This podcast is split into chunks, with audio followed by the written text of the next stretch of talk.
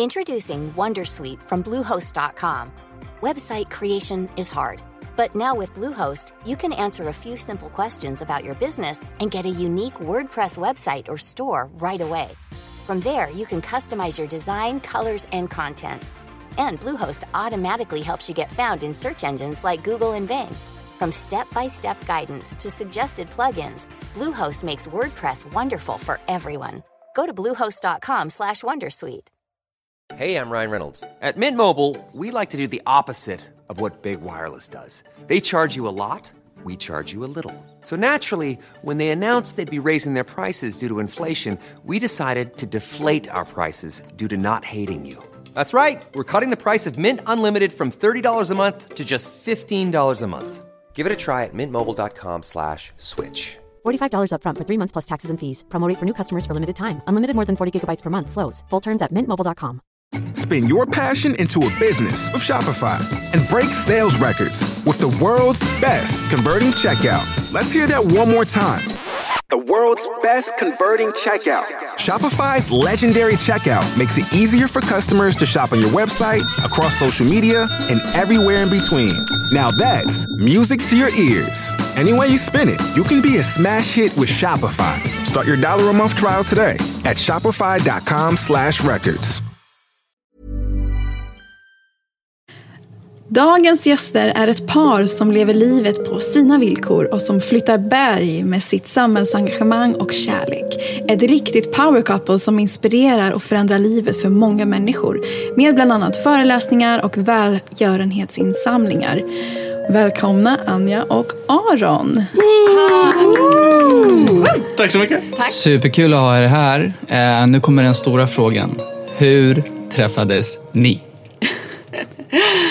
Ja. Ska jag börja? Eller vill du börja? Jag, jag, jag, jag, så här, Almedalen 2011. I- An- Anja jobbade på, på Barncancerfonden då. Eh, och jag var ambassadör för Barncancerfonden. Och så, så var vi i Almedalen med Barncancerfonden. Och sågs vi där och, och ja, klickade liksom och käkade lite lunch och lite där. Jag hade tjej och Anja hade kille. Och, ja, det var inte så mycket mer med det. Så det började på ett Almedals-event. Men sen hade vi, vi alltid haft ett gott öga till varandra på något sätt, alltid klickat. Så alltid när vi har sett så har vi sett till att prata med varandra. Ehm, och när Aron hade gjort slut med sin tjej, då tänkte han så här, Anja, ska jag Den där Anja. Men vad var det, vad var det som, som klickade? Eh, Alltså, vad, var det som, vad var det för någonting som ni, ni kände bara liksom, ah, men det här är rätt person för mig? Ja men du vet, man känner så tydligt i hela kroppen att det är någonting med den här personen som gör att man vill vara den nära. Och jag hade inte någons, jag tror inte Aron heller egentligen hade funderat på att det skulle vara någonting romantiskt. Utan man bara klickar och vill vara med den här personen och ha roligt och man har bra energi. Och, eh, man, man blir fylld av någonting bra själv i kroppen. Man känner ju det väldigt tydligt. Man kan ju nästan bli kär i vänner också. Eh, Ja, så du, jag tror att du, för jag jobbade ju som chef på Barncancerfonden, då jobbade jag som chef för Giva Service. Eh, så jag såg allt umgänge med Aron som jobb på något sätt för att han var ambassadör. Eh, och tyckte att allting annat var otroligt opassande. och, och jag tror att Aron i det läget kände att det var en jättekul erövring att vara med en chef på Barncancerfonden. Ja, men det var ju lite spännande så. och sen vart det något mer. Ja, ja, men så en av våra gemensamma vänner, eller en kollega då, såg till att vi hamnade på samma AV. Eh, och sen övertalade Aron mig att gå med på en middag som jag trodde var ett jobb, en jobbmiddag. Ah, okay. Eh, och eh, jag tillbringade ganska lång tid med att säga nej, nej, nej, men det här, nej, men jag är för gammal för dig och nej, det passar sig inte och nej, jag sitter i ledningsgruppen och nej, nej, nej. Och Aron älskar ju en utmaning och är liksom väldigt målstyrd så det gjorde ju allting bara väldigt mycket roligare för honom. och så var det lite utmaning. Ja, och jag, han var så smooth. Liksom. Så här, kom med stora blomsterarrangemang. Oj, oj, oj. Hörde av sig att han skulle Det är beställa jättebra när man föreläser. Då får man blommor som man kan ta med sig. Ja, varsågod. Men vad härligt, så det var verkligen kanske en, eh, kan man kalla det förbjuden kärlek till? Eller det kanske inte var kärlek i början men att ni ändå kände ganska starkt för varandra. Ja, men jag, min, min lilla syster hon säger liksom efter andra dejten, då säger hon så här, nej men du är helt körd nu. Och jag bara, nej, nej, vi bara träffade, det kommer, nej, nej, nej, typ. Mm. Men, du hon sa åldersskillnad, vadå? Vad, hur, du är väl inte så gammal, tänker jag? Nej, jag är jätteung, men jag är ändå Ja. tio år äldre än Det Aron. är tio års skillnad. Vi har ju också åldersskillnad. Ja, det har vi ju. Men det är, jag menar, på papper har vi åldersskillnad. Men utseendemässigt så är vi lika gamla. Okej. Vi med. Kärlek, Ja, exakt. kärlek har ju ingen ålder. Nej, Nej. åldern är en illusion. Fan. Ja. Så är det. Ja, härligt. Um, äventyr eh, är ju någonting som... Alltså, kärlek kan ju vara livets äventyr, tänker jag. Men ni gillar ju också äventyr i andra former. Ehm, ni bestiger berg. Aron, du var ju den första personen i rullstol som besteg Kilimanjaro och Kebnekaise. Uh, vad skulle ni säga, liksom... ehm, vad, vad är det största äventyret ni har gjort tillsammans? Det måste väl ändå vara Kilimanjaro. Något så här fysiskt äventyr så. Måste vara Kilimanjaro. Mm. Helt klart. Annars kanske det är att leva ihop och jobba ihop som Ja. är det största. Mycket mer utmanande. Men vad finns det för utmaningar i, eh, i att leva och jobba ihop? Ja, men det är mycket, för mig var det jättekonstigt att gå från att ha jobbat liksom på kontor på ett riktigt jobb eh, alltid till att så här, ha ett mycket mer fritt liv där vi bestämmer mycket själva när vi jobbar. Eh, och också så här, gränsdragningen, så här, vad är privat, vad är jobb? Eh, och när är vi lediga eller är vi någonsin lediga? Och, alltså mycket sånt där tyckte jag var lite jobbigt när man är van att komma till kontor och då kör man igång och sen levererar man till max på de här timmarna och sen går man hem. Och i och för sig är det ju ofta mycket jobb runt omkring också men inte alls på samma sätt som när man liksom lever sitt jobb som vi verkligen gör. Ja, det, det är ju verkligen en, så här, någonstans en, en utmaning att driva företag och leva tillsammans. Och, s- Som man säger, när, när är vi lediga och när är vi inte lediga? Och Var går gränsen? Och ja, hela den biten. Det är så vi känner också lite grann. Vi kan ju känna igen oss väldigt mycket i det. Det är att det är jobb när man är hemma, det är jobb när man är utanför hemmet. Och, och det är lite att man får eh, påminna sig själv när man väl är där. Bara, wow, alltså vi sitter och jobbar just nu också när vi väl sitter framför tvn och bara ska koppla av. Så att så fort vi, vi vet att vi är i en sån situation så stänger vi av och bara liksom, ja, men vi spelar lite tv-spel. Och, Man får ju påminna varandra lite. Eh, Speciellt också om man har ett sånt brinnande engagemang för liksom, det man gör. Det är inte så att man eh, gör, eh, jobbar på en tobaksfabrik och gör tobak. Utan mm, Vi jobbar med att förändra folks liv. Och att jobba med att inspirera människor. Och det är ju ens hjärta. Ja. Så att det, hjärtat följer ju med en hela tiden. Ja men så är det verkligen. Men jag har ju också varit så här van att man liksom pushar sitt team. Jag har haft team som jag har jobbat med. Och att vi har ett tydligt mål och så kör man mot det och då kan man liksom pusha dem man jobbar med ganska mycket. Men när man jobbar med sin partner, så här, hur hårt kan man pusha någon som man sen också om en kvart ska, ska liksom äta vanlig middag med. Eller så. Det tycker jag är jättesvårt. Vi har ju ett eh, enormt driv som vi drivs av, jag och Felicia, och mycket är ju baserat på vårt egna förflutna. Eh, som eh, på något sätt har speglat eh, vilka vi är idag, som, som eh, drivkraften kommer ifrån. Vart kommer er drivkraft ifrån? Om vi börjar med dig Aron. Eh, alltså, jag tror mycket någonstans, jag hade ju cancer när jag var liten, hamnade i rullstol på grund av det. Och hade en otrolig tur som överlevde och fick verkligen en andra chans på livet. Och jag tror ändå en hel del av drivkrafterna har kommit därifrån. Att jag, jag fick en andra chans. Det gäller att ta tillvara på.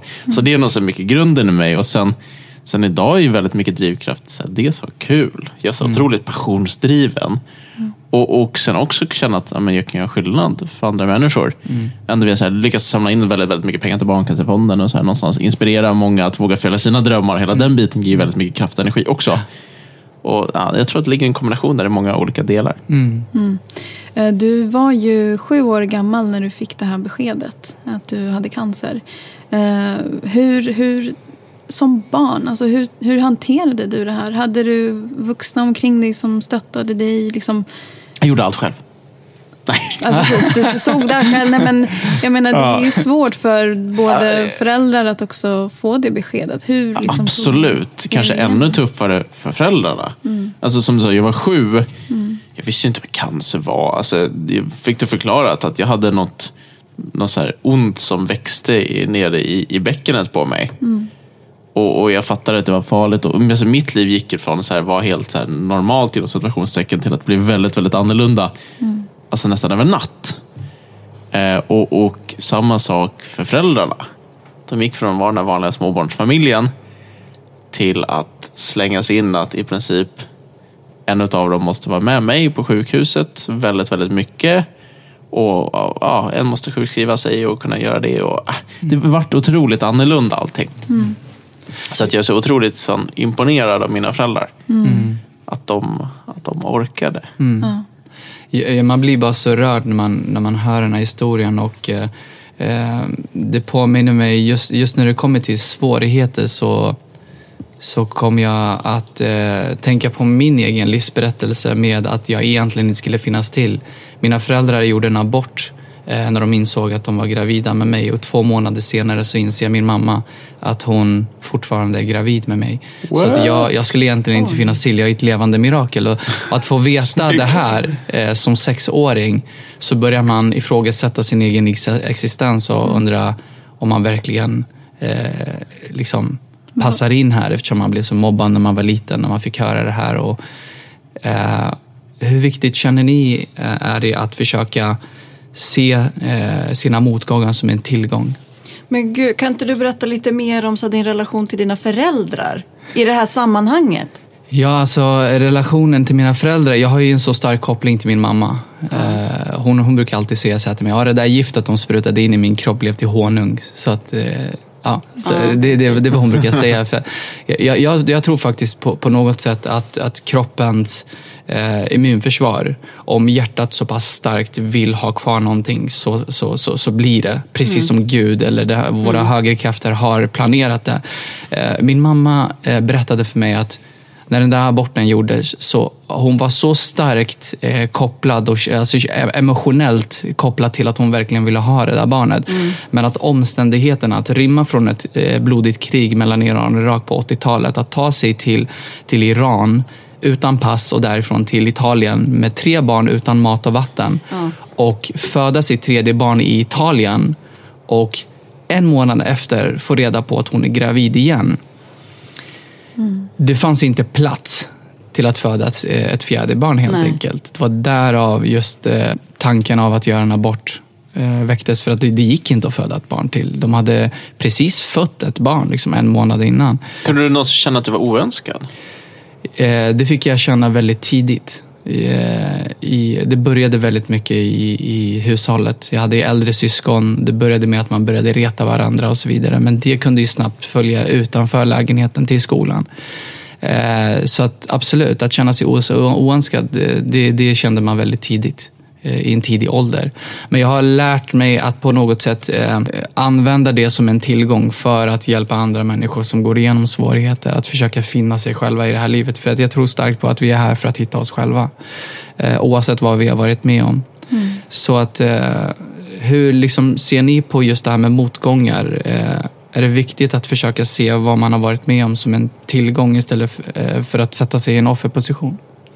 Ja, men jag, du ska få svara på det Aron, men jag bara tänker att så här, du måste ju känna så starkt att du har ett mission in life, för du har ju Absolut. överlevt av en anledning och då Absolut. måste du göra någonting med det livet. Absolut. Och jag tänker att det, det påminner ju så mycket om hur du är Aron. Att du verkligen känner att du har fått en andra chans i livet och då ska du, eller fjärde chans liksom. Alltså. Då ska du banne mig ta den och göra varje dag till, till, liksom, till fullo på något sätt. Ja, och jag, jag ser ju någonstans det jag har gått igenom med cancern som min superkraft. Jag, jag, alltså på mina föreläsningar brukar jag säga att jag fick tre års mental träning när jag var liten. Och, och På något sätt så blir det så. Så speciellt jag tänker så här, går man igenom en sjukdom som jag gick igenom, där man är tvungen att utstå cellgifter och strålning och mycket tid på sjukhus, och, där du inte kan fly ifrån det. Nej. Du måste ligga i den där sängen, du måste få det där cellgiftet. Du kan inte säga att jag vill inte. Nej. Eller det kan du, men det ger ingenting. Du måste göra det. Och då känner jag att jag blev tvingad att hitta sätt att palla. Jag blev tvingad att hitta mentala strategier för mig själv för att kunna orka fortsätta. För hade inte jag hittat de strategierna så tror jag att jag hade blivit tokig. Så jag hittade knep för mig själv för att göra det enklare. Vad var det för någonstans. knep? Allt ifrån så här, men typ mikromål. Okej, men jag ska bara fixa den här droppåsen. Det är allt jag ska göra just nu. Jag, jag tänker inte på att hej, jag har tio såna här tillbehandlingar som varje behandlingen är så här tre dagar långa. Där man mår pyton och bara vill därifrån. Det var inte fokus, utan fokus var bara den här nästa lilla grej. Och det är något som jag använder väldigt starkt i mina äventyr idag också. När det är jobbigt, ja, men jag ska bara ta mig till den stenen där borta. Eller vem liksom som har inte varit ute och joggat nu och tänkt jag ska bara springa till nästa lyktstolpe. Alltså, och, det funkar ju. Mm. Det blir mer eh, eh, verklighetstroget. Att man, man gör de där små, som du säger, att eh, ja, men nästa lyktstolpe eller nästa sten eller den där droppåsen eller det där mejlet eller det där mötet eller ta på mig kläderna. Jag kan känna igen mig i det där att jag i alla fall väldigt lätt kan eh, förstora upp saker i att jag måste göra så mycket för att det är så mycket grejer som man måste göra hela tiden. Och att när det blir för stort för en. Eh, jag, blir, jag, jag blir väldigt lätt trött. Alltså fysiskt trött, utmattad. Eh, så att man måste ha den där balansen också, förstå sig själv i att hur, fun- hur kan jag peppa min egna mentala styrka? Det har vi också pratat ganska mycket om. Eh, speciellt eh, för mig, eh, då jag tappar mycket energi för m- mycket av det man själv har gått igenom, att man är så trött. Så jag tror att det är jättebra att ha de där mikromålen och ändå ha det där större målet där bakom. Ja, det behöver man. Man behöver ha sitt man varför man- nå, någonstans i horisonten som man jobbar mot. Och, och Det som är spännande också, då, tittar man i forskningen så ser man att så här, bocka av saker driver dopamin. Precis. Alltså dopamin är ju vårt så här, motivationshormon. När vi får Precis. dopaminpåslag då känner vi motiverade, då känner vi peppade, då känner vi nu jävlar, nu ska jag ta mig an världen här. Och man har sett i studier att har du en checklista där du får checka av saker. Varje gång du checkar av någonting, då får du en liten dopaminkick. Precis. Så att har man något stort projekt man ska göra, säg ja, men du ska sälja din bil till exempel. Bryt ner en massa smådelar. Bara, men jag ska tvätta bilen, jag ska städa bilen, jag ska fota bilen, jag ska lägga ut på Blocket och sen ska jag sälja den. Då får du dopamin för varje liten grej. Precis. Smart. Istället för att du liksom bara går och stressar upp dig själv. Men jag har inte lyckats sälja den än. Nej, men du har gjort massa små saker som du inte gett dig själv cred för. Och, och kan man sätta det i system och göra såna här grejer så tror jag att man gör livet mycket enklare för sig själv. Absolut. Ja, men det är därför vi, när vi åstadkommer någon, alltså det kan vara en liten grej, en, en liten vardagsgrej. Vi, efter att vi har eh, gjort det så går vi och firar det genom att kanske köpa en liten, ja, vi sätter oss på ett fik och tar ett glas vin till exempel. Eller tar en liten Glass. liten glass till exempel. Men mer för, så som Aron säger, att, att eh, just den här medvetenheten om att man har gjort någonting, att man har rört sig framåt. Det är väldigt viktigt att man, eh, att man eh, belyser det för sig själv. Det är jätteviktigt. Om jag hittar, så här, generellt tror jag hitta såna strategier för sig själv. Ja. För, att, för att göra livet lite enklare och lite roligare och lite bättre. Mm, absolut. Apropå humorn, hur viktig är humorn för er i er relation och i livet? Ja, men jätteviktig. Framförallt för dig. Ja, jag är den julbenta äventyraren. Mm, precis. Göteborgs humor in the blood. Morsan är från Göteborg så jag får dra sådana Okej. dåliga. Och, och ni som inte nu ser det här, jag sitter i rullstol, alltså julbent. Ha, ha, ja. Förklarar ordentligt.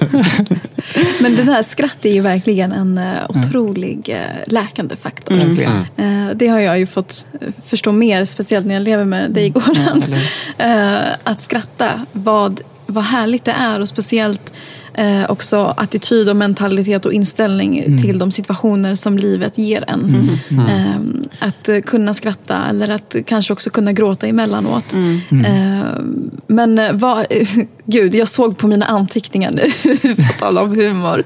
Hur gick det med tån? Tå, ja, ja, vi, vi var lite sena hit i morse för jag fick för mig att jag skulle klippa mina naglar och då tänkte jag vi tar tånaglar vi ändå håller på. Och så lyckas jag klippa mig i tån. Och mina, mina fötter börjar blöda så fortsätter det gärna blöda en stund så att ja, vi fick plåstra och bandagera det hemma. Men, men tillbaka till det här med humor och, och kunna skratta tillsammans. Jag skidade till Sydpolen för vad är det, drygt två år sedan nu. Du- Du skidade till Sydpolen. Ja. Skidade ungefär 30 mil i minus, ner till minus 40 grader någonting och bodde ett litet tält och sådär. Och, och då gjorde jag det tillsammans med, med en guide som heter Doug. En amerikansk snubbe som är så här, grym guide, men vi kom väl inte riktigt så superbra överens. Vi var inte bästa teamet. så. För det, det som jag verkligen uppskattar när man är ute på äventyr, man, man kämpar och sliter och lider tillsammans i så här 14 timmar och bara köttar. Och sen kommer man in i tältet på kvällen, man käkar sin middag och på något sätt så garvar man åt sin egen misär. Jag, jag kan ändå tycka att det är vackert. Och det gick liksom inte riktigt att göra med Doug. Och och då var det, ju, vart ju det jag fick göra. Så här, på kvällen så ringde jag satellittelefonen hem till Anja och så kunde, kunde vi skratta åt saker istället. Så jag fick få ut skrattet där. För att, och det var så förlösande att bara kunna, kunna prata med någon som man så här, känner sig hemma med och bekväm med och bara kunna skratta tillsammans. För, för det, jag, vi liksom, det gick inte riktigt med Dag. Så det här var så, det var så underbart att få se fram emot det där samtalet varje kväll. Men det är en sån häftig upplevelse tror jag för oss båda för att Aron befinner sig så otroligt isolerad men ändå har vi ju den här satellittelefonen. Så jag ligger liksom i sängen på kvällen och Aron ligger i sitt tält och vi kommer ju otroligt nära varandra då. Mm, det Eh, var väldigt fint. Väldigt, väldigt fint. Och det byggde så himla mycket av vår relation. Att liksom kunna vara där när det är som allra, allra, allra, allra tuffast. Och det var ju jättebra och stärkande för oss. För hade Dag varit den här superbra polaren och kunnat vara det här stödet och de hade hittat stöd i varandra. Då hade ju vi kanske inte fördjupat vår relation på det sättet som vi gjorde då. För det blev så viktigt. Det blev liksom livlinan ut på något sätt för att du skulle orka. Och gav ju mig en jätteviktig uppgift varje dag. Att vara den här klippan liksom. Eller det som bara kunde ta bort tankarna lite och få honom att skratta. eller liksom, ja, ni vet. Gråta lite. Men och det tror jag är så viktigt både i arbetslivet men också när man lever tillsammans att man har den här någon att hålla i. När det, och det måste ju ni också känna, ni har liksom olika bakgrunder och tuffa saker ni har gått igenom. Att man kan hitta stödet i varandra. Och, eh, orka pusha när den andra inte orkar och, och bytas av i det också. Ja, absolut. Vad tycker ni är den viktigaste principen att ha för att jobba ihop eh, som par? Där blir det tyst. Oh, viktigaste princip för att jobba tillsammans. Jag vet inte om vi har någon specifik så, men... Nej, vad, vad säger du? Vad ska, vi, vad ska vi dra till med? Den viktigaste principen. Ja, men den viktigaste principen är väl på något sätt respekten. Men viktigast för att orka är ju liksom lusten på något sätt. Drivet och lusten och att man kommer vidare. Och friheten, det måste ju ni också känna. Man är fri på ett annat sätt än, man var, än jag kände mig innan i alla fall. Mm, ja, det, det är väldigt befriande att ha väldigt här, flexibla timmar. Jag tycker att det är en fantastisk eh, utmaning att leva och jobba ihop. Speciellt återigen när vi jobbar med sådana här viktiga frågor. Eh, och att, ehm, precis som du säger Anna, jag bara tänker, jag blir nyfiken på, på dig för att både Aron och Goran är ju så otroligt drivna. Eh, och att få möta någon annan som finns där. Alltså jag, jag, jag är nyfiken på hur du finns till för Aron. För jag menar, du får ju ta del av hans hela livsberättelse och se när han är där ute och föreläser och inspirerar och hjälper människor. Och att du nu är en del av det, för du är ju vd på ert gemensamma bolag och du finns där och hjälper honom och stöttar honom och är kreativ. Vad, vad gör du bakom liksom, kulisserna?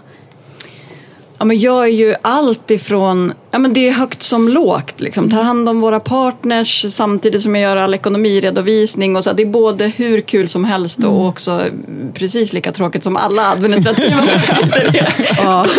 Alla. Jag hade aldrig pallat det. Det är ju inte Aron heller. Exakt. Nej, jag, jag, alltså, Anja är ju lite mer struktur än vad jag är, kan, vi, kan vi helt klart säga.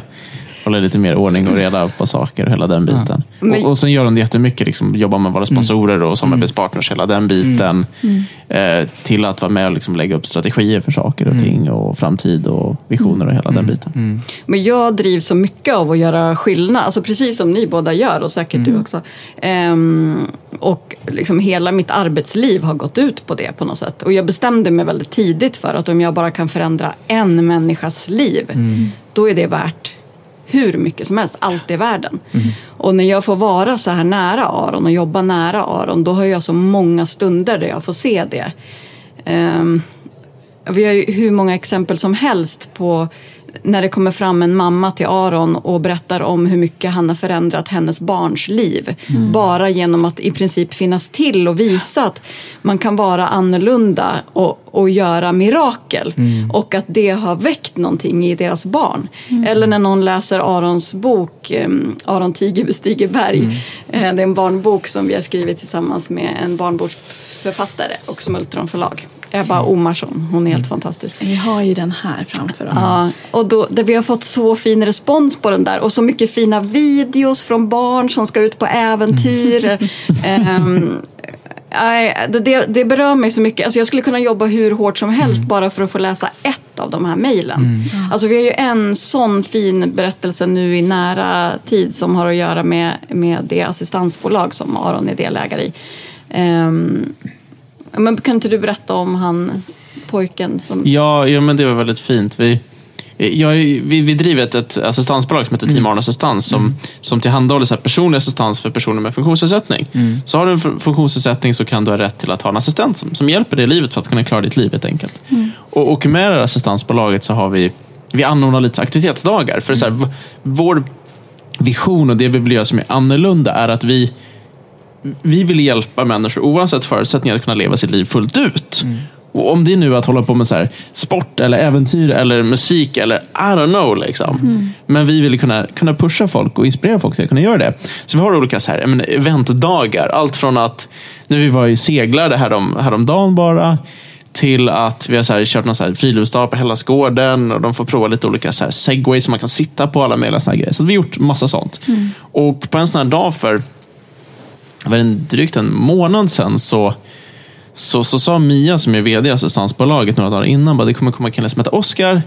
Han, han har haft cancer också, blev så precis friskförklarad men blev tvungen att amputera sitt ben. Och, och Han kommer komma och han är 13 år gammal och hans, hans mamma har liksom förvarnat att han, är, han har det jävligt tufft. För inte nog med att han har fått amputera benet, han har ofta också så väldigt, väldigt mycket smärtor från det liksom i amputationsområdet. Och han håller precis på att avgiftas från morfin. För han hade fått en massa, massa morfin för att kunna klara av smärtan. Och det blir man ju beroende av.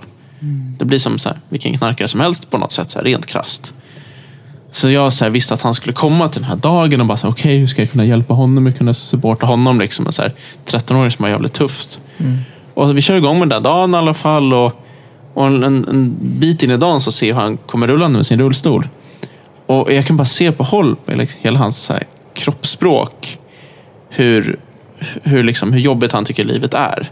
Han är så här, ihopdeppad och rullar långsamt och tittar liksom, så här, keps på huvudet och bara tittar ner i marken. Typ. Och jag känner bara okej, nu, nu måste jag göra allt jag kan för att hjälpa honom. Bara bort med mina rädslor, nu, nu jävlar måste vi fixa det här.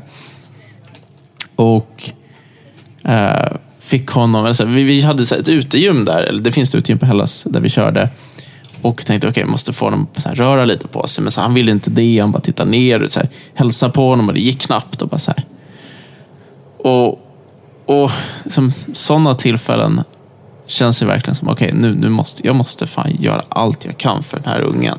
Jag har gått igenom den här skiten själv. Är det någon som ska kunna hjälpa honom så måste det vara jag. Liksom. Och, och då sa jag väl någonstans här, men jag vet, vet vilket helvete du går igenom. Jag har inte varit med om exakt samma sak, men jag har varit med om något liknande. Och det suger verkligen. Och, och bara försökte någonstans få honom att fatta att jag, så här, jag fattar. Och, och bara det tror jag så här, gjorde någonting i honom. Okej, här är någon som ändå förstår. Och så sa jag, men så här, jag vet inte vad vi kan göra mot din smärta. Jag har haft en del smärta själv. Men inte på din nivå. Men jag tänker vi ska testa lite grejer. Kan du inte, kan du bara lita på mig här i några timmar? Så, så provar vi lite så här. Och han bara så här, så, så, mm, ja, okej då. Så, här. Så, så drog jag med honom till utegymmet. Jag tänkte men vi försöker köra igång och få igång hans kropp. För det, är det något man har så här sett i, i studier så är det så här, få igång kroppen och träna är väldigt bra mot smärta. Och försökte få igång honom att köra, men så här, det, vart- liksom ingenting. Jag körde lite så här, men äh, så här, kom igång lite. Liksom. Men det hände inte så mycket. Och han har inte tränat på, på jättelänge, gått igenom cellgift och strålning, hela den biten. Så, så att han, så att, nej, ingen, ingen kraft direkt. Men, men så, så var det en annan kille där som hette John som var med och körde också, sitter permobil. Och bara så här, hur skön som helst, full med fart och bara värsta glädjen. Och bara så, här, oh, oh, så här, vill göra allting liksom. Och så jag bara, Oskar, nej men nu får du vila. Nu ska John köra. Så fick jag in John och köra den här maskinen och köra såna här, ja men, vad, typ så här, Axelpress. axelpress. Ja, precis, i den här maskinen. Så han sitter och kör axelpress där, full fart. Och, och så, så, så säger jag åt Oskar, Oskar, nu måste du heja på John. För du måste ju heja på honom. Vi måste stötta honom nu så han kan köra ännu hårdare. Du vet, Oskar börjar heja lite där och sen säger jag bara, Oskar, what the fuck? Du hejar ju inte ordentligt. Du måste heja på riktigt. Och han bara så här, oh shit, liksom. Okej, nu måste jag göra något för den här personen istället. Så jag får honom sakta säkert någonstans här börja supporta John istället. Och, och på något sätt så så gör vi det där några gånger fram och tillbaka. Vi liksom byter, de får heja på varandra. Så ser man att något så börjar hända lite, Oskar. Gå från att bara så fokusera på sig själv och fokuserad på hur jobbigt han har det och ont han har det. Till att kunna få fokusera på någon annan och stötta någon annan. Jag tänker det finns en så här otrolig kraft i det där att kunna, kunna göra något för en annan människa. Även om man är så här otroligt nere själv. Och under den här dagen så kan man bara se hur han växer.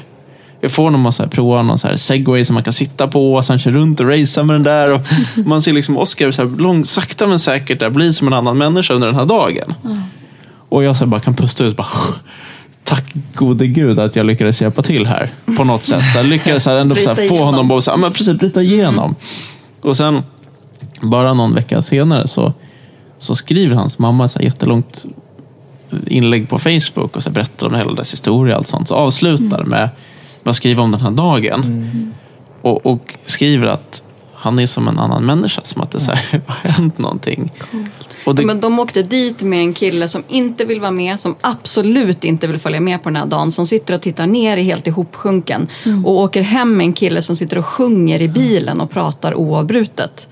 Alltså det är he- jag, jag grinar så mycket när jag tänker Ja. på den här. Och så träffade ju du honom i söndags igen. Jag var med och seglade nu söndags och är som en helt annan kille. Och det coola är att folk som känner honom sedan innan har följt hela hans resa med cancern. Har har liksom sett honom nu igen och börjat grina för att det är som en annan pojke. Wow. Och det är så här, är wow. så. Och att, att vi får vara med och jobba med sånt och kunna, kunna hjälpa personer som Oscar att någonstans här, se livet lite, lite annorlunda. är ju så, så jävla läckert. Det, det leder ju mig till nästa fråga. Är det inte det vi definierar som framgång? Att kunna förbättra en annan människas liv. Människor har ju så en skev bild av vad framgång är. Är- det, skulle du säga, framgång för dig Aron? Att kunna... Garanterat en del i det. Ja, Absolut. ja, Alltså det, det är få känslor som är så goa ja. som, som känslan att kunna hjälpa en annan människa. Mm. Helt klart. Vad skulle du säga Anja, vad är framgång för dig? Ja men det är absolut det.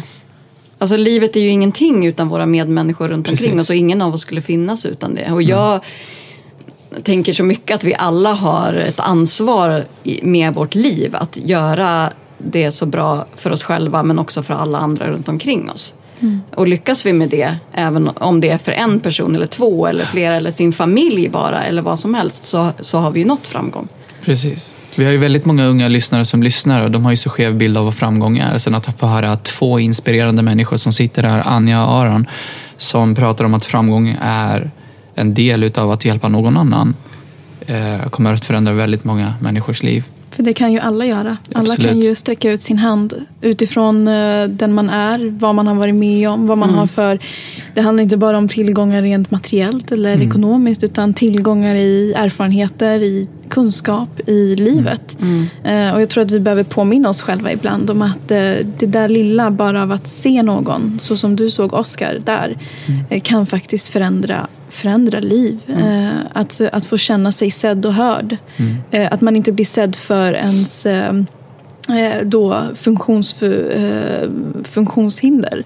Eh, och det stärker ju förmodligen honom i det. Det blir hans superkraft. Så Verkligen. jätte, jättefint. Och att känna att man bär ett, ett ansvar från någonting eh, quote unquote, dåligt man har varit med om, någonting jobbigt, att, att man känner att man, man har tagit ansvar för att hjälpa någon annan som går igenom eh, en liknande situation.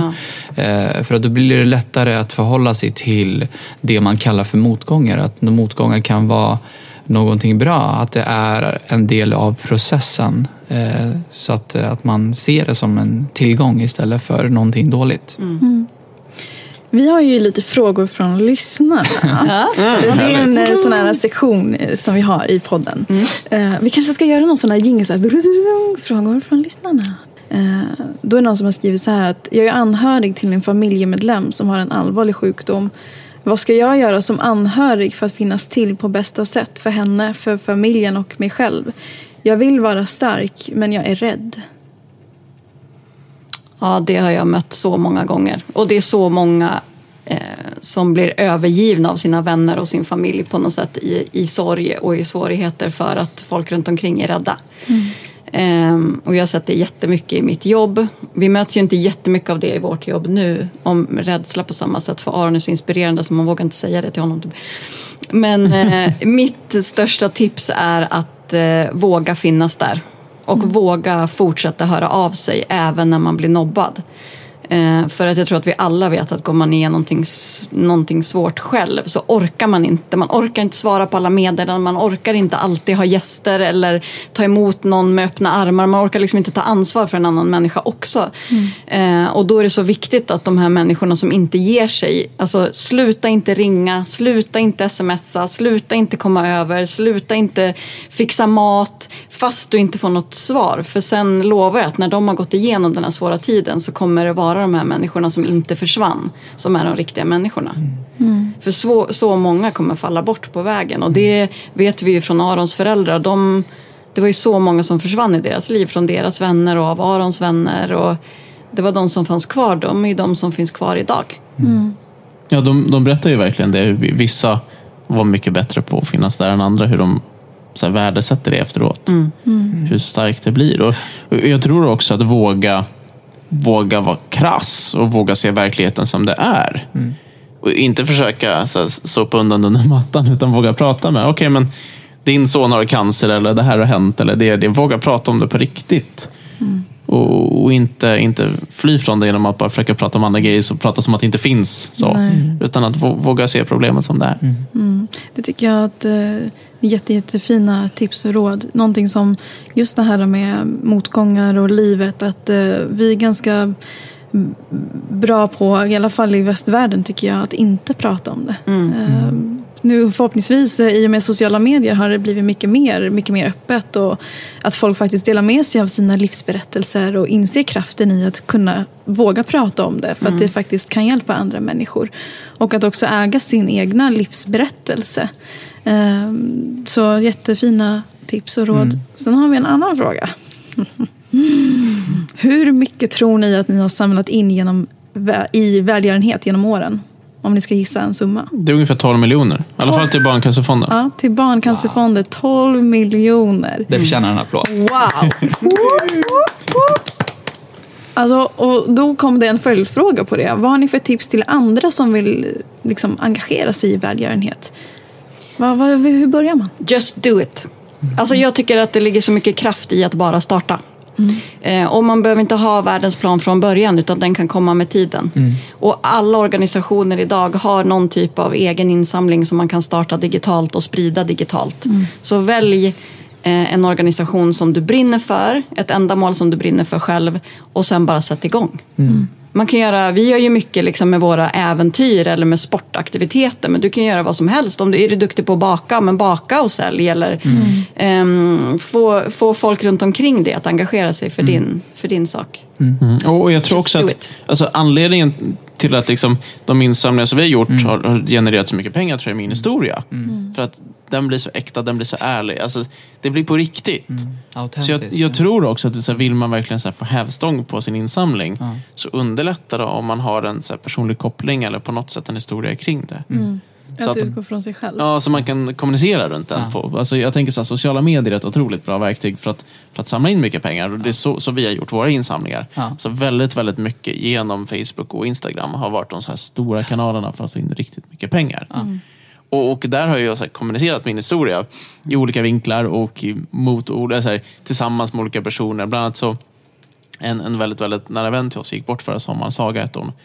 Gick bort 17 år gammal i cancer.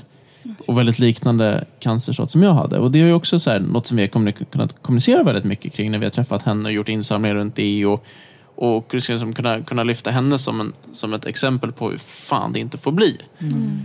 Och, och jag tror att hittar man, hittar man de där så här, riktiga historierna så kan man kommunicera på ett helt annat sätt och lyckas skapa insamling på en helt annan nivå. Och sen har man inte det som Anja säger, fan gör det bara ändå. Alltså sälj kakor eller vad det nu än är. Om du verkligen brinner för något så kommer du hitta sätt att lyckas få in pengar. Absolut. Ja, men jag tror, alltså vi märker ju så mycket att ger man en människa en möjlighet att hjälpa till på ett konkret sätt så vill alla hjälpa till. Så eh, i och med att du själv engagerar dig så ger det också möjlighet till de som är runt omkring sig att engagera sig. Och det vill man. Och är liksom det engagemanget att hjälpa till att fixa ett event eller är att skänka pengar, ja men då kommer det vara någon som hugger i eller som skänker pengar. Eller, så att det är också att ge någonting till någon annan, att faktiskt engagera sig själv.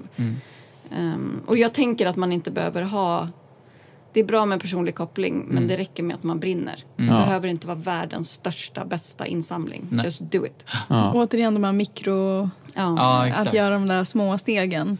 Bara sätta igång.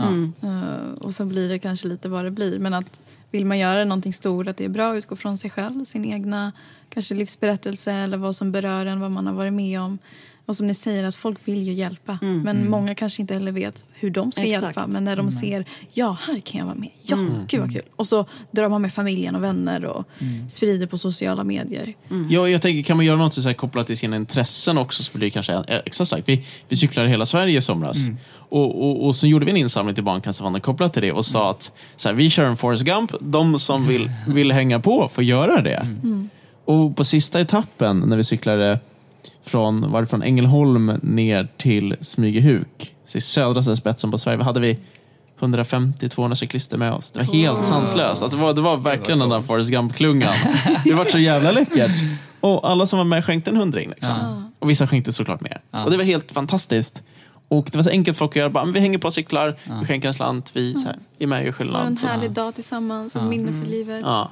Men alla de som var med och cyklade oss gjorde ju, liksom uppfyllde ju Arons vision om ett projekt som han ville göra. Men vi har aldrig fått så mycket kärlek efter ett projekt som vi fick då. För att alla som var med eller var med och hejade eller så tackade så mycket för att de fick vara med i den här härliga gemenskapen och för det vi gjorde. Fast det är ju vi som ska tacka för att de var med och uppfyllde en dröm. Så det blev så mycket, det blev så här kärlekskalas, en så här kärlekscykling genom Sverige. För att vi fick så mycket kärlek trots att det var vi som ville ge så mycket kärlek till Ja. dem som vi mötte. Liksom. Vilket Ja, fint initiativ, verkligen. Vi har en eh, fråga till från en eh, lyssnare. Eh, Aron, har du funderat på att testa stand-up comedy? Men kan den Just, inte vi kör sit-down Vi har, ju, comedy. vi har ju en intro där med din tå som du kan. Precis. Det Nej, men- man roliga har lite så humoristiska Ja. drag. Jag ser hans ögon, du vet. Han, eh. Nej, En men, show alltså, med Göteborgshumor. Ja, exakt. men jag tänker på föreläsningarna. Så här, Du måste ha lite humor i det, eller hur? nej, ingen alls. Nej, men när jag började föreläsa, alltså jag har ju så tung story. Ja. Så att det var ju lätt att skapa en föreläsning som har varit väldigt djup och väldigt tung. Ja. Och, och jag insåg ganska tidigt att bara, hey, sk- ska det här bli riktigt bra så, så måste man liksom kunna släppa på trycket. Och det gör man med humor. Japp. Så att jag har övat, så- alltså, tränat mycket på att säga, okay, hur, hur skapar jag skratt? Hur gör jag så att det här blir en både djup och berörande, men också jävligt rolig föreläsning. Så att jag tror att de är ganska roliga nu i alla fall. och jag har fått lite sån feedback. Fan, det var ju som stand-up comedy nästan. Så här. Du vet de dagarna man är verkligen så on fire bara får till det. Liksom. Ja. Det där varit kul att, köra stand-up någon gång, så prova det. Det hade varit så här... Jag fixar tre minuter till dig på scen. Ja, men. Ja, ja. Jag har ju utmanat Felicia också. Hon Men jag ska har ju, göra det. Hon Vill ni höra ett skämt? Eller? Ja. Ja, dra ett skämt. Nu, oh, nej, nu så varför gör jag samma mot mig själv? Nu har inte jag övat in det. Åh nej. Men du vet ju var ungefär. Kör bara, vilken ska jag Ja, ta? men det här med margin. Okej, Ja, okej, ja, okej. efternamn. Eh, Jo. Oh. eh, Ingen press nu. Åh, Goran, hjälp mig. Jingel. Okej. eh, eh, Jag jo, lovar att skratta när jag ringer eh, till en arbetsgivare och eh, presenterar... Nej. Jo, men det var, Jo, det var på rätt Jag ringer en arbetsgivare på telefon och så presenterar jag mig. Så säger jag, jag heter Felicia. Men, nej, nej Goran! Jo, men dra den. Ja, det. Okej, ja, men jag ringer till en arbetsgivare och säger eh, att jag heter Marginano. Och så säger han i telefon, Marginano, men jag har inte beställt någon jävla pizza. Nej. mitt efternamn då. och sen kan jag... Ja, nej men gud. Det, ja. Det var ganska kul, men jag tror du öva in det. I alla fall, för man ska aldrig behöva förklara ett skämt. Men skämtet var att jag har ett så konstigt efternamn som Marginano och att det låter som någon pizza. Ja, men någonting man hör på en pizzeria, va? Ja, ta nummer tre. Ta en En marginano. Marginano. Utan champinjoner. Ja, men jag ska faktiskt göra det, utmana mig själv. eh, För att jag är också föreläsare som dig Aron. Och att stå på scen är ju någonting man har gjort. Men där har det ju varit att prata om livet och liksom seriösa saker. Och att stå på scen och dra skämt och, och vara rolig medvetet, det har jag aldrig gjort. Och det är ju ganska läskigt. Eh, Det finns ju, Goran... Ja, det finns ju en forskning som har, som har visat som eh, de hade gjort en forskning på vad människor var rädda för. Och på första plats så var det att stå på scen och dra skämt och tala. På andra plats var det att dö. Så människor är tydligen inte rädda för att dö. Vet du vad Goran, jag fick en idé. Du Vet du vad vi borde göra? Vi borde bjud- bjuda in Sveriges föreläsarelit. Ja. Utmana dem Och att köra tre minuter och stand-up. stand-up. Ja, ja. Absolut. Så kör vi en kväll Kul, av ja. stand-up. Ja, Kul. Eller hur? Inte? Är du på Aron? Ja, lätt. Superroligt. men, men jag tänker, det, det, det som hade varit häftigt att göra med stand-up är att kunna köra lite djupare stand-up. Berätta en så här lite längre historia Ja. och få in massa roliga element i den och som ändå Absolut. så här har någon sorts budskap. Absolut. Det hade varit läckert tycker jag. Ja, absolut. Men det är ju Eh, många komiker som också gör det. Som har otroligt viktiga budskap. Ja. Du, till Ja, exempel. ja, absolut. Eh, Jag, eh, som sagt, jag var ju tvungen, det är lite som Aron sa, när man står på scen och ska föreläsa så är det väldigt, när man pratar om som är djupa och tunga ämnen så är det väldigt viktigt att kombinera in humorn för att lätta på trycket. Annars blir det för stelt, det blir för, ja. Eh, Så att just när man pratar om, för, för mig till exempel, alltså stand-up handlar ju om att vara personlig. 95 procent av, av mitt material handlar ju liksom om mitt eget liv. Men det handlar om att kunna distansera sig från vad man är och försöka göra det till, på, på ett roligt sätt. Och på så sätt så helar man ju sig själv också. Genom att prata om det man har varit med om. Eh, så att 5 procent skulle jag nog säga är väldigt eh, påhittat. Men eh, stand-up handlar om att vara personlig. Så man kan göra det på ett roligt sätt så är det bara fantastiskt. Man får en annan koppling till publiken också. Sen kan det ju komma, komma fram folk efteråt bara, var det där sant? Nej, det var inte sant att en groda, att jag hade sex med en groda i skogen. till exempel. Men, men, eh, ja, ja.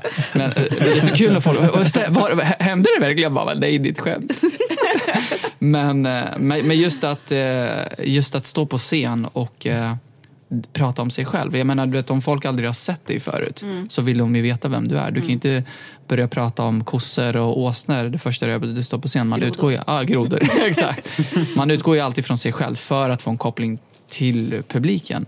Är du en väldigt stor och känd ståuppkomiker och folk känner till dig, då behöver du inte göra det för då vet de redan vem du är. Då kan du prata om just allt möjligt. Men publiken, för att få publikens acceptans så måste de, man måste på något sätt få deras respekt. De vill veta vem du är innan ja, man pratar om andra saker. Så man utgår alltid från sig själv när man kör stand-up. Men det vore en jätterolig utmaning. Ja, verkligen. Det var kul att göra. Och du är en person, verkar, du, du är en sån som utmanar dig själv. Så det skulle jag absolut testa på. Ja. Det omöjliga. Lägg in det i bucketlisten. Ja, verkligen. Har ni en bucket list? Ja. Vill ni Ja, vi, har, om vi har en massa grejer vi vill göra i alla fall. Ja. Och det är väl en bucketlist. Ja. Vad vill Vi har göra? ett väldigt stort, coolt projekt som vi har precis dragit igång nästan. Som är Arons nästa stora äventyr. Ooh, är det top secret eller?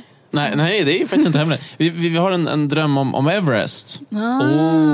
Och, och, och det är väl så här fyra, fyra års projekt kanske. Att försöka ta sig till toppen på Everest. Wow. Och, och så här, först och främst är det ett projekt för att undersöka så här, är det, är det rimligt riskmässigt? Så att jag har varit ganska nära att dö redan. Jag vill inte dö på ett berg, det känns onödigt.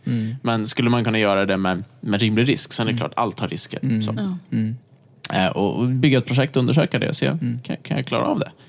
Men, men planen är i alla fall att ta sig till, till Basecamp nästa vår och vandra dit som ett första steg. Och, och sen efter det så kör vi på mot Vilket inspirerande mål.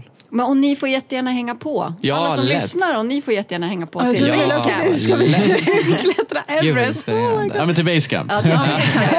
Ja, men absolut. Ja, men vi, planen är att köra en, liksom, en resa nästa vår och köra en insamling kopplat till det. Ja. Så de som lyssnar och är pepp Ja. kan få hänga med på den här resan. Så vi, Vi vi, kommer, vi kommer lägga upp info på sociala medier så kan man ansöka om att få vara med i det här projektet. Ja, Då kommer vi samla in pengar till Barncancerfonden och vi, vi kommer vandra till, till Basecamp. Gud vad vi, vi vandrar vi är med. på. Ja, Ja, absolut. lätt. absolut. Nice. Yes. Snyggt, och vi är fyra i alla fall. Ja. Ja, vi kan bli många. Som eh, avslutande fråga. Vad skulle ni ge för tips till den som lyssnar som vill uppfylla sin dröm? Om vi börjar med dig, Anja. Men jag har samma tips där som för insamlingen. Just do it. Börja bara. Vänta inte tills du har planerat allt det perfekta och allt, allt, allt. Bara börja i det lilla. Och sen sätt delmål som mikromål. Ett litet, litet. Hur börjar jag idag? Vad ska jag göra idag? Anja är för övrigt inte sponsrad av Nike. Förlåt! Men det är så bra. Är det inte bra? Jo, Jag bästa ska inte säga det sloganen. igen. Det nu. Bästa sloganen. jag tror att det ligger väldigt mycket i det att bara ta ett första steg. Och, och ibland så behöver man någon som kan ge en knuff i den rätt riktning. Så alltså, jag gjorde Kebnekaise 2013. Det var mitt första äventyr. Jag gick från att vara friidrottare som skadade mig och var tvungen att lägga av med friidrott och tänka så här, vad gör jag nu? Det var verkligen så här vakuum i livet. Och då var det en kompis Johan som utmanade mig att bestiga Kebnekaise. Jag var livrädd, jag hade aldrig gjort något äventyr innan, aldrig, aldrig något liknande. Och jag sa nej, men han tjatade. Och till slut så hamnade vi på det där berget och jag tog mig upp dit. Och jag satt på toppen och tänkte tillbaka att när jag var nio år gammal, opererades för cancer, hamnade i rullstol. Nu sitter jag på toppen av Sverige. Jag undrar vad som mer är möjligt. Alltså det sprängde mina mentala begränsningar totalt. Och ibland behöver man en sån där person. Man behöver någon som, som Johan som kan ge den där lilla knuffen i rätt riktning. För jag tror ofta att så här, innerst inne kanske man känner vad man vill, men man kanske inte riktigt vågar. Vågar ta det där steget. Och då behöver man någon som kan ge den där knuffen. Om det nu är typ så en, en coach eller en kompis eller vem det nu är, jag vet inte. Ja, Goran. Det här var ju ett fantastiskt, alltså vilken dag, vilket sätt att starta dagen på. Att Verkligen. nu vill jag också bestiga massa berg. Så vi följer med er till Everest Ja. nästa år. Verkligen. Men ni får lära oss eh, hur vi ska göra det. det är bara gå en fot framför den andra. ja, men det är mikrosteg. Vi lovar att vara den här kompisen som pushar. Ja, jättebra. Cool. Anja och Aron, tack så jättemycket för att ni ställde upp på vår podd och eh, lycka till med ert fortsatta viktiga arbete. Tack Tusen själva tack och och grymt lycka jobbat av. Anja tycker jag. Poddpremiär här. Precis, en extra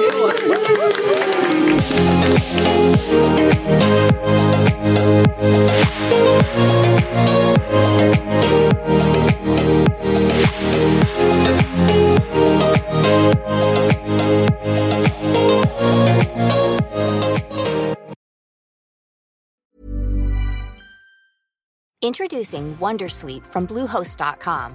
Website creation is hard, but now with Bluehost, you can answer a few simple questions about your business and get a unique WordPress website or store right away. From there, you can customize your design, colors, and content. And Bluehost automatically helps you get found in search engines like Google and Bing. From step-by-step guidance to suggested plugins, Bluehost makes WordPress wonderful for everyone. Go to bluehost.com/wondersuite. Hey, I'm Ryan Reynolds. Recently, I asked Mint Mobile's legal team if big wireless companies are allowed to raise prices due to inflation. They said yes. And then when I asked if raising prices technically violates those onerous two year contracts, they said, What the f are you talking about, you insane Hollywood ass? F- So to recap, we're cutting the price of Mint Unlimited from $30 a month to just $15 a month. Give it a try at mintmobile.com slash switch. $45 upfront for three months plus taxes and fees. Promo rate for new customers for limited time. Unlimited more than 40 gigabytes per month. Slows. Full terms at mintmobile.com.